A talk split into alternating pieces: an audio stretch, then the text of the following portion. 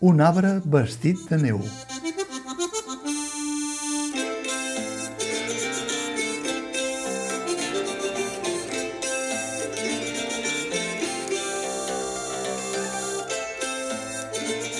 L'actor Roger Casamajor, nascut a la Seu d'Urgell, i l'actriu Anabel Castan, nascuda a Trem, ja van coincidir en l'adaptació de la novel·la Pedra de Tartera, de Maria Barbal, al Teatre Nacional de Catalunya.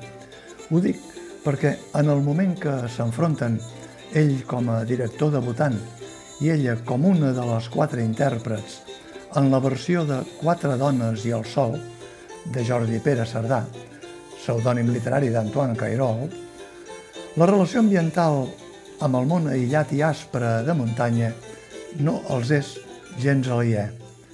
Una cosa similar es podria dir de les altres tres intèrprets nascudes a Barcelona. Irina Robles es va traslladar als 5 anys a Andorra i tant ella com Jessica Casal i Núria Montes es van relacionar amb el Principat a través de la formació artística a l'escena nacional d'Andorra,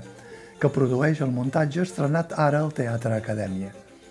No hi ha dubte, doncs, que tot i pertany a una generació moderna, el ressò del bressol l'avantpassat s'imprimeix també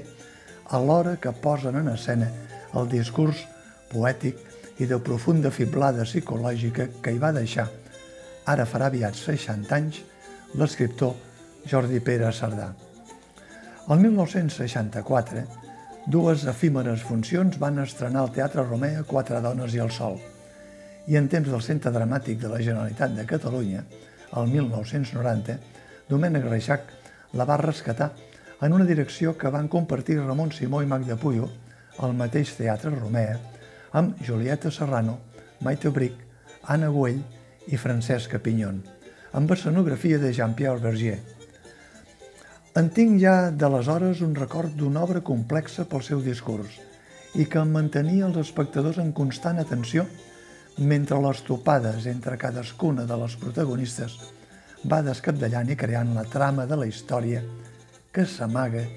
darrere de l'enigmàtic títol que va llegar l'autor a la literatura catalana com un repte més davant de la intriga. Quatre dones, sí, això és molt clar, però i el sol? Roger Casamajor, que viu uns dies de pressió emocional després de la pèrdua del director de cinema Agustí Villaronga, a qui considera el seu mestre artístic, ja que el tenia sempre com a actor de capçalera en les seves pel·lícules,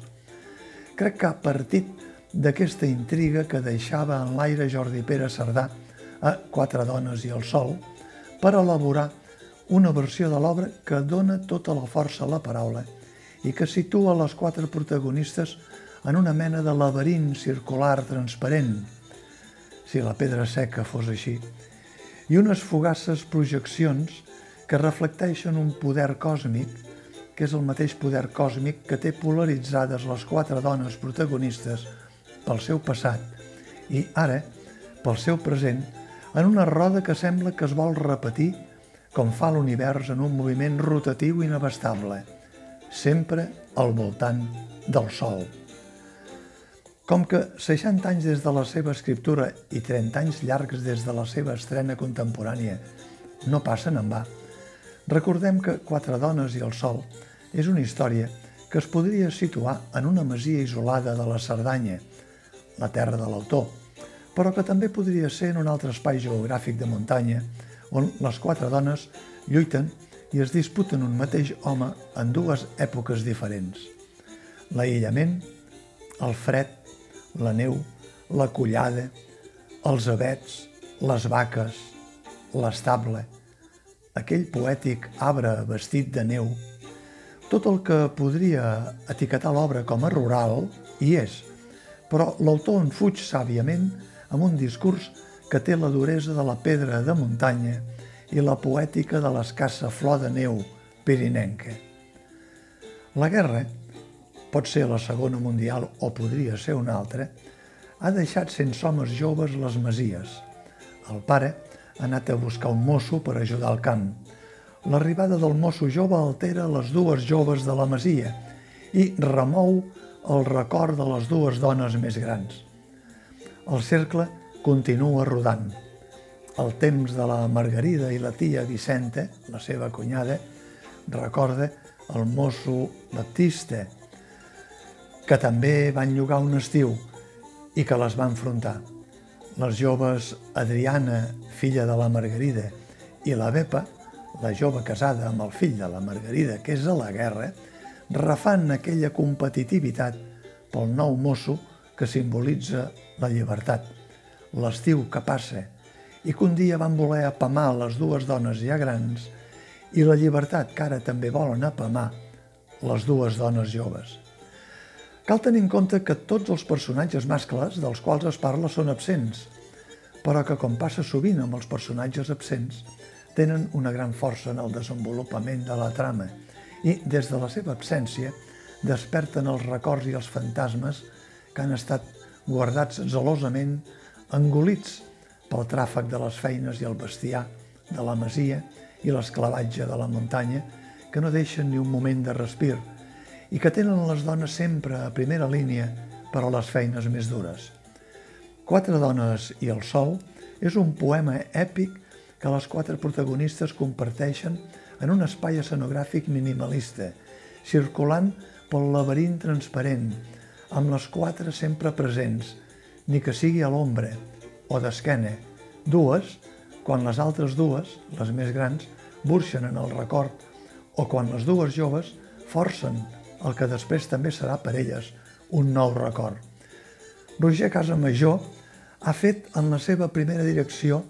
que tot se centri en la presència de les quatre dones, en el seu discurs, amb una mirada cap a la collada, més enllà dels espectadors, i el discurs flueix amb naturalitat,